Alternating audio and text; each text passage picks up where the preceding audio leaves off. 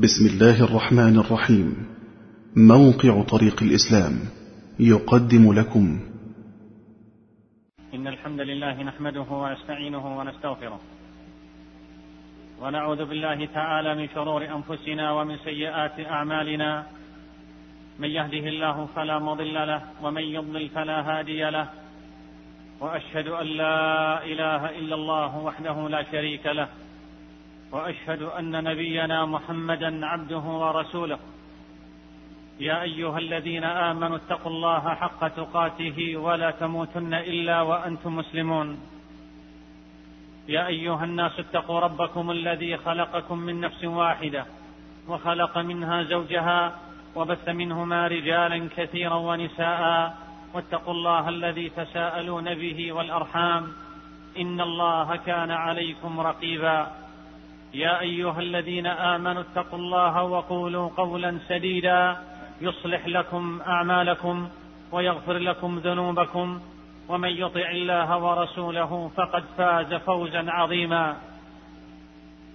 أما بعد أيها المسلمون هناك امرأة تفردت عن سائر النساء وشمخت بمناقبها حتى لامست عنان السماء فضلت على النساء كما فضل الثريد على سائر الطعام.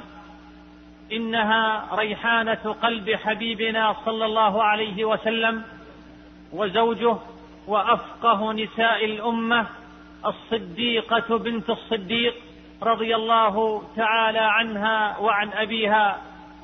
ولدت في الإسلام وكانت تقول لم أعقل أبوي إلا وهما يدينان الدين. لم يتزوج نبينا صلى الله عليه وسلم بكرا غيرها ولا أحب امرأة مثل حبها. قالت عائشة رضي الله تعالى عنها وعن أبيها يا رسول الله أرأيت لو أنك نزلت واديا فيه شجرة قد أكل منها ووجدت شجرة لم يؤكل منها فأيهما كنت ترتع بعيرك؟ قال عليه الصلاة والسلام الشجرة التي لم يؤكل منها قال فأنا هي.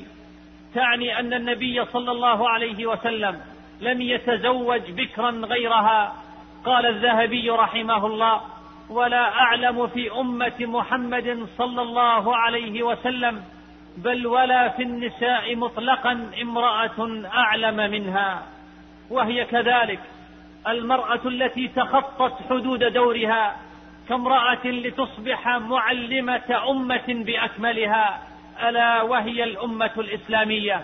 لقد كانت رضي الله عنها من أبرع الناس في القرآن والحديث والفقه فقد قال عنها عروة بن الزبير ما رأيت أحدا أعلم بالقرآن ولا بفرائضه ولا بحلال ولا بحرام ولا بشعر ولا بحديث عرب ولا بنسب من عائشة وكانت رضي الله عنها مرجعا لأصحاب النبي صلى الله عليه وسلم. عندما يستعصي عليهم أمر فقد كانوا رضي الله عنهم يستفتونها فيجدون لديها حلا لما أشكل عليهم. حيث قال أبو موسى الأشعري رضي الله عنه ما أشكل علينا أصحاب رسول الله صلى الله عليه وسلم حديث قط فسألنا عائشة إلا وجدنا عندها منه علما. أيها المسلمون من فضائل الصديقة رضي الله عنها ما رواه الترمذي وحسنه أن جبريل عليه السلام جاء بصورتها في خرقة حرير خضراء إلى النبي صلى الله عليه وسلم. فقال هذه زوجتك في الدنيا والآخرة. وأيضا ما أخرجه الإمام أحمد والبخاري ومسلم عنها قالت قال رسول الله صلى الله عليه وسلم أريتك في المنام ثلاث ليال جاء بك الملك في سرقة من حرير أي قطعة من حرير فيقول هذه امرأتك فأكشف عن وجهك فإذا أنت فيه فأقول إن يك هذا من عند الله. يمضه تقول رضي الله عنها أدخلت على نبي الله وأنا بنت تسع جاءني نسوة وأنا ألعب على أرجوحة فهيأنني وصنعنني ثم أتين بي إلي. تزوج بها صلى الله عليه وسلم. بعد وفاة خديجة وبنى بها في شوال بعد غزوة بدر وملأت قلبه لها حبا. فأحبها أشد ما يكون حب الرجال للنساء. وحين سأله عمرو بن العاص رضي الله عنه أي الناس أحب إليك يا رسول الله؟ قال عائشة. قال ومن الرجال؟ قال أبوها. وقالت أم سلمة رضي الله عنها لقيس مولى عمرو. حين بعثه عبد الله بن عمرو إليها فقال سلها. أكان رسول الله صلى الله عليه وسلم يقبل وهو صائم فإن قالت لا فقل إن عائشة تخبر الناس أنه كان يقبل وهو صائم. فقالت أم سلمة رضي الله عنها لعله أنه لم يكن يتمالك عنها حبا أما إياي فلا. فقف فقف أيها السني فقف أيها السني عند هذا وتأمله بقلب عقول كيف يبغض أناس ممن غابت عقولهم في مستنقع الضلال والرفض. أحب الناس إلى نبيك صلى الله عليه وسلم فأبوها الصديق لا أفضل منه في الأمة سبقها جميعا بالإيمان والعمل ونال سبق الخلافة والصحبة في الغار. ثم في القبر وهي من هي؟ فضلا ومناقب جمة ستسمع بعضا منها فكيف يبغض قلب سليم؟ أحب الناس إلى الحبيب صلى الله عليه وسلم. والله لا يبغضهما إلا قلب قد امتلأ حقدا وبغضا لنبينا وخداعا ومكرا لديننا وغاص في أوحال البدعة. بل الكفر فهو إلى بضغ الله له أدنى وبعذابه أولى وأحرى. وصدق الله حين قال ومن لم يجعل الله له نورا فما له من نور. أيها المسلمون لما استنارت قلوب أصحاب نبينا صلى الله عليه وسلم وتبين لهم مقدار حبه لعائشة. استفاض هذا الحب بينهم حتى إنهم كانوا يتحرون يومها ليهدوا إلى النبي صلى الله عليه وسلم هداياهم. كما جاء عند البخاري ومسلم في صحيحيهما قالت عائشة رضي الله تعالى عنها كان الناس يتحرون بهداياهم يوم عائشة فاجتمعنا صواحبي إلى أم سلمة فقلنا لها إن الناس يتحرون بهداياهم يوم عائشة وإنا نريد الخير. كما تريده عائشة. فقولي لرسول الله صلى الله عليه وسلم أن يأمر الناس أن يهدوا له أينما كان. فذكرت أم سلمة له ذلك فسكت عليه الصلاة والسلام فلم يرد عليها فعادت ثانية فلم يرد عليها. فلما كانت الثالثة قال يا أم سلمة لا تؤذيني في عائشة فإنه والله ما نزل علي الوحي. وأنا في لحاف امرأة منكن غيرها وفي رواية عند الشيخين أيضا فقال لها لا تؤذيني في عائشة فإن الوحي لم يأتني وأنا في ثوب امرأة إلا عائشة.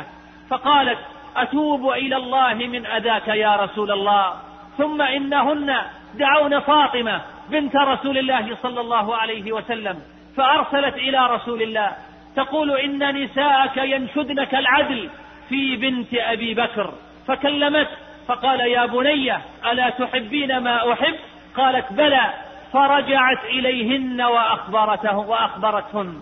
فأرسلت فأرسلن بعد ذلك زينب بنت جحش فأتته فأغلظت وقالت إن نساءك ينشدنك, ينشدنك العدل في ابنة أبي قحافة. فرفعت صوتها حين تناولت عائشة وهي جالسة حتى إن النبي صلى الله عليه وسلم لينظر إلى عائشة. هل تتكلم؟ قال فتكلمت عائشة. ترد على زينب حتى أسكتتها. فنظر النبي صلى الله عليه وسلم إلى عائشة وقال إنها إنها ابنة أبي بكر. معاشر المحبين ومن فضائلها رضي الله عنها ما أخرجه الشيخان أن عائشة رضي الله تعالى عنها قالت قال رسول الله صلى الله عليه وسلم يا عائش هذا جبريل وهو يقرئ عليك السلام وهو يقرأ عليك السلام. قالت وعليه السلام ورحمة الله. ترى ما لا نرى يا رسول الله. ودخل عليها النبي صلى الله عليه وسلم وهي تلعب بالبنات أي في اللعب. فقال ما هذا يا عائشة؟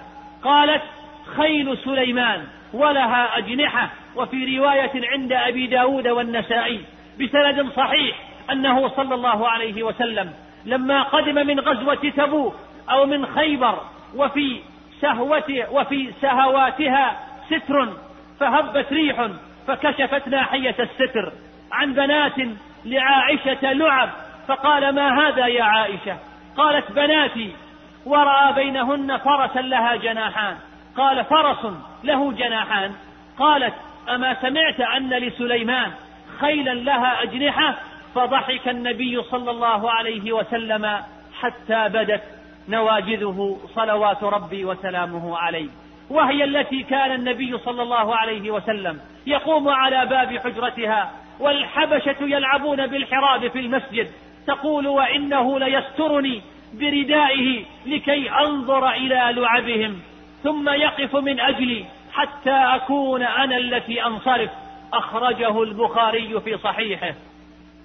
وهي التي برأها الله تعالى من فوق سبع سماوات بآيات بينات تتلى على مر الدهور وتعاقب العصور تشهد بطهارتها وتؤكد عفتها وترفع منزلتها وتعلي شأنها بعد البلاء العظيم والإفك المبين فسطرت قصتها في أوائل سورة النور لتكون نورا يشع لمن أراد الله هدايته وفتح بصيرته فتشرق في قلبه شمس حبها وتفضيلها ويستنير بهدي فقهها وروايتها وتبقى وتبقى غصة في حلق المبغضين وحشرجة في صدور المعاندين وشامة على رأس أم المؤمنين تفخر بها وتفاخر وتنشر بها أريج الحب الطاهر والوفاء العاطر فيا محب آل البيت.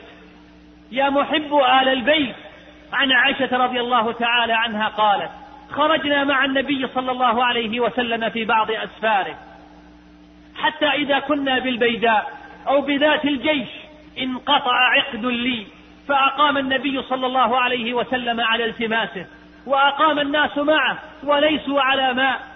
فأتى الناس إلى أبي بكر الصديق رضي الله عنه فقالوا ألا ترى؟ ألا ترى ما صنعت عائشة؟ أقامت برسول الله صلى الله عليه وسلم والناس وليسوا على ماء وليس معهم ماء. فجاء الصديق رضي الله عنه والنبي صلى الله عليه وسلم واضعا رأسه على فخذي عائشة وقد نام عليه الصلاة والسلام. فقال مخاطبا لابنته حبست رسول الله رسول الله صلى الله عليه وسلم والناس وليسوا على ماء وليس معهم ماء.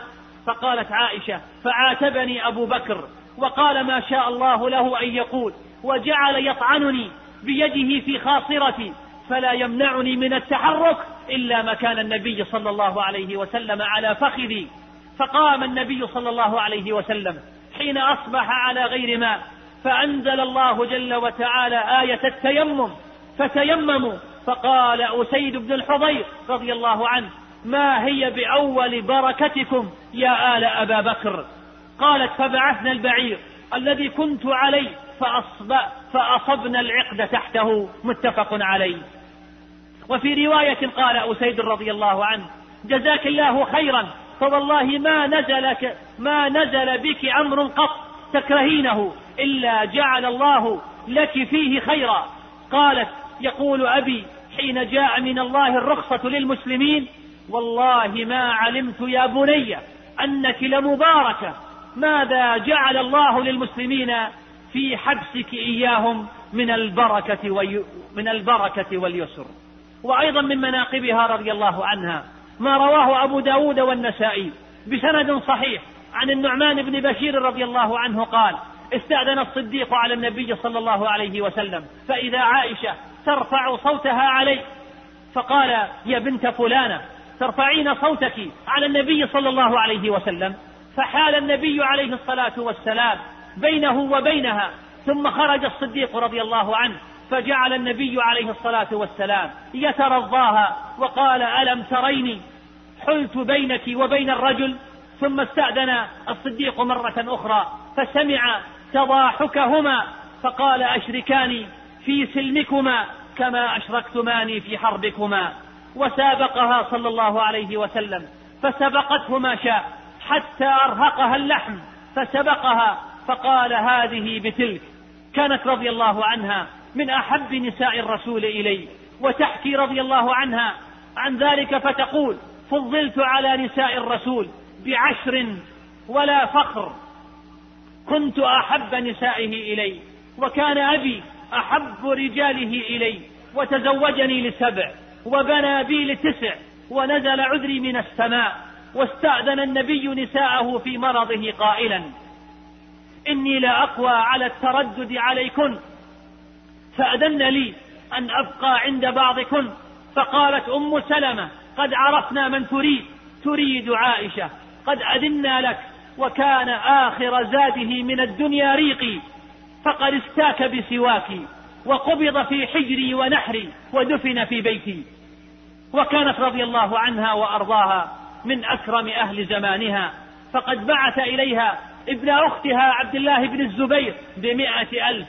فدعت بطبق فجعلت تقسم بين الناس. فلما أمست قالت هاتي يا جارية فطوري. وكانت صائمة رضي الله وكانت صائمة رضي الله عنها. فقالت يا أم المؤمنين أما استطعت أن تشتري لنا لحما بدرهم؟ قال لا تعنفيني لو ذكرتيني لفعلت. وعن عروة بن الزبير أنها تصدقت بسبعين ألفا وإنها لترفع جانب درعها رضي الله عنها وبعث إليها وبعث إليها معاوية بقلادة قيمتها مئة ألف فقسمتها بين أمهات المؤمنين وليس هذا بغريب عليها. فهي ابنة أبي بكر الصديق رضي الله عنه وهو الذي تصدق بماله كله وادخره عند الله ورسوله.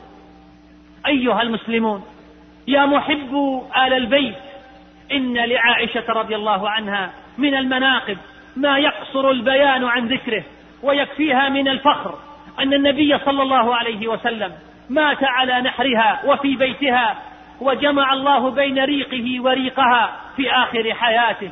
ولها من المناقب ما يطول ذكره ولها من القصص مع النبي صلى الله عليه وسلم في غيرتها وحلمه معها ما يثلج صدر المؤمنين ويبهج قلوب المحبين ويزيد عناء المبغضين ويدحر شبه المضللين. ولم يكن عليه الصلاة والسلام ليحب أحدا وهو من أعداء الله أو ممن يبغضهم الله فلا يحب صلى الله عليه وسلم إلا طيبا تقيا نقيا.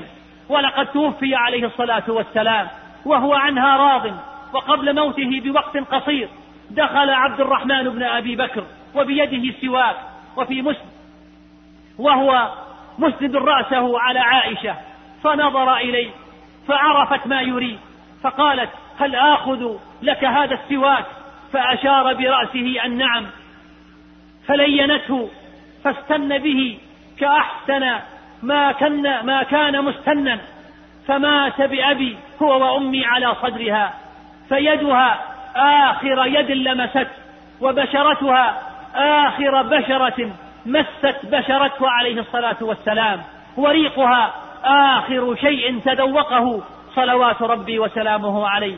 فنشهد أنها أحب الناس إليه وهي زوجته في الجنة مع سائر أمهات المؤمنين.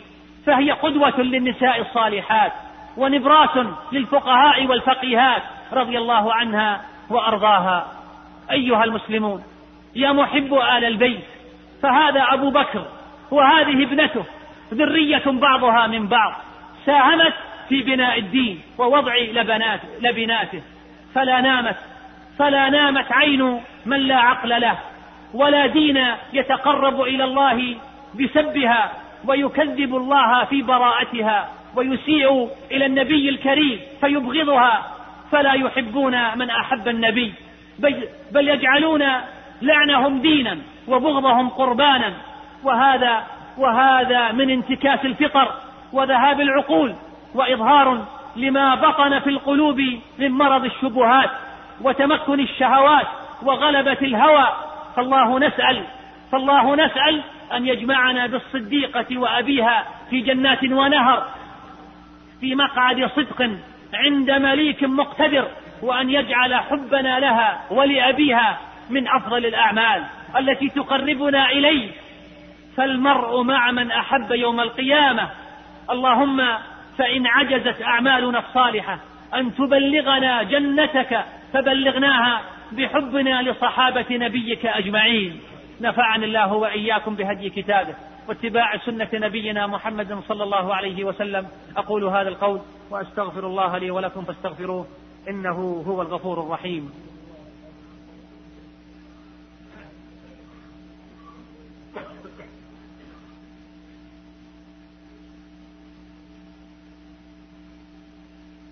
الحمد لله على إحسانه وأشكره على توفيقه وامتنانه. وأشهد أن لا إله إلا الله وحده لا شريك له تعظيما لألوهيته وربوبيته وأسمائه وصفاته وأشهد أن نبينا محمدا عبده ورسوله الداعي إلى جنته ورضوانه فصلوات ربي وسلامه عليه وعلى آله وعلى أصحابه وسلم تسليما مزيدا.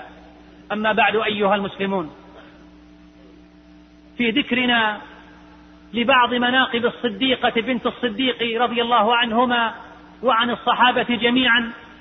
إنما نريد أن تعلم أن من أبغضها وأبغض أباها لا يمكن لا يمكن أن ينصر دينا ولا أن يقاوم محتلا بل هو معول لهدم الدين وعن طريقه دخل المحتلين.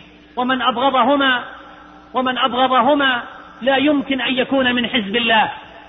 فإن حزب الله هم المفلحون وهم الذين يقولون ربنا اغفر لنا ولإخواننا الذين سبقونا بالإيمان ولا تجعل في قلوبنا غلا للذين آمنوا ربنا إنك رؤوف رحيم. وليس الذين قبلنا إلا المهاجرون والأنصار ومن تبعهم بإحسان. فلا والله لا يمكن أن يرفع راية الجهاد فيفتح ديارا حررها أبو بكر وعمر إلا من يحب أبا بكر وعمر. كيف ينصر كيف ينصر الدين؟ كيف ينصر الدين من ملأوا كتبهم بسبها وشتمها؟ إليك إليك يا أخي الكريم ويا محب آل البيت إليك طرفا من ذلك. روى الكيليني عن ابن ثوير والسراج قال سمعنا أبا عبد الله رضي الله عنه وهو يلعن في دبر كل مكتوبة أربعة من الرجال وأربعة من النساء. فلانا وفلانا وفلانا ويقصد الخلفاء الثلاثة ويسميهم. والرابع هو معاوية رضي الله عنهم جميعا. وفلانة وفلانة عائشة وحفصة رضي الله عنهما وهندا وأم الحكم أخت معاوية. ويقول علماؤهم في تفسير قول الله تعالى ولا تكونوا كالتي نقضت غزلها من بعد قوة أنكاثا قال التي نقرت غزلها من بعد قوة أنكاثا عائشة هي نكثت إيمانها. وزعم الرافضة أيضا أن لعائشة رضي الله عنها بابا من أبواب النار تدخل منه هي في تفسيرهم لقوله تعالى لها سبعة أبواب. والرافضة الاثنى عشرية ينسبون الصديقة بنت الصديق المبرعة من فوق سبع سماوات إلى الفاحشة. قال القمي وهو من علمائهم في تفسير قوله تعالى فخانتاهما وليقمن الحد على عائشة فيما أتت في طريق البصرة وكان طلحة يحبها فلما أرادت أن تخرج إلى البصرة قال لها فلان لا يحل لك أن تخرجي من غير محرم فتزوجت نفسها من طلحة وذكر الطبرسي وهو أيضا من علمائهم أن عائشة زينت يوما جارية كانت لها وقالت لعلنا نصطاد شابا من شباب قريش بأن يكون مشغوفا بها فنعوذ بالله من الكفر بعد الإيمان. نعوذ بالله من الكفر بعد الإيمان. واستمع يا رعاك الله. بعد هذا إلى قول الحبيب صلى الله عليه وسلم. لا تسبوا أصحابي فلو أن أحدكم فلو أن أحدكم أنفق مثل أحد ذهبا ما بلغ مد أحدهم ولا نصيفه متفق عليه. وعند مسلم لا تسبوا أصحابي لا تسبوا أصحابي فوالذي نفسي بيده لو أن أحدكم لو أن أحدكم أنفق مثل أحد ذهبا ما أدرك مد أحدهم ولا نصيفه. فقارن يا أيها المسلم وقارن يا أيها السني بين مد وبين أحد. وحتى المد لن تبلغه ولن تدركه بل ولا نصف المد. فيتبين لك حاجتك الماسة إلى حبهم والترضي عنهم لتلحق بهم. فقد قال عبد الله بن مسعود رضي الله عنه جاء رجل إلى النبي صلى الله عليه وسلم فقال يا رسول الله كيف تقول في رجل أحب قوما ولم يلحق بهم؟ فقال النبي عليه الصلاة والسلام المرء مع من أحب. متفق عليه. ربنا ربنا إنك تعلم أننا نحب عائشة وأباها ونحب صحابة نبيك صلى الله عليه وسلم. ربنا فألحقنا بهم واحشرنا في زمرتهم وأدخلنا الجنة في جوارهم وارفع درجاتنا كرامة لهم بحبنا إياهم.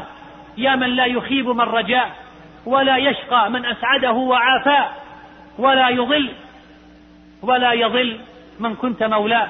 وصل اللهم على محمد وأزواج محمد وذريته عليه الصلاة والسلام كما صليت على آل إبراهيم. وبارك يا ربنا على محمد وعلى أزواجه وذريته كما باركت على آل إبراهيم في العالمين إنك حميد مجيد. ربنا آتنا في الدنيا حسنة وفي الآخرة حسنة وقنا عذاب النار. اللهم عليك بالروافض واليهود والنصارى. اللهم عليك بالروافض واليهود والنصارى. اللهم عليك بالروافض واليهود والنصارى. اللهم أقم علم الجهاد وانشر رحمتك على البلاد والعباد يا من له الدنيا والآخرة وإليه المعاد. اللهم صل على محمد وعلى آل محمد كما صليت على إبراهيم وعلى آل إبراهيم إنك حميد مجيد. اللهم بارك على محمد وعلى آل محمد كما باركت على إبراهيم وعلى آل إبراهيم في العالمين إنك حميد مجيد. اللهم اغفر لآبائنا واغفر اللهم لأمهاتنا ولعلمائنا ولمن له حق علينا. وآخر دعوانا أن الحمد لله رب العالمين. مع تحيات إخوانكم في موقع طريق الإسلام www.islamway.com والسلام عليكم ورحمة الله وبركاته.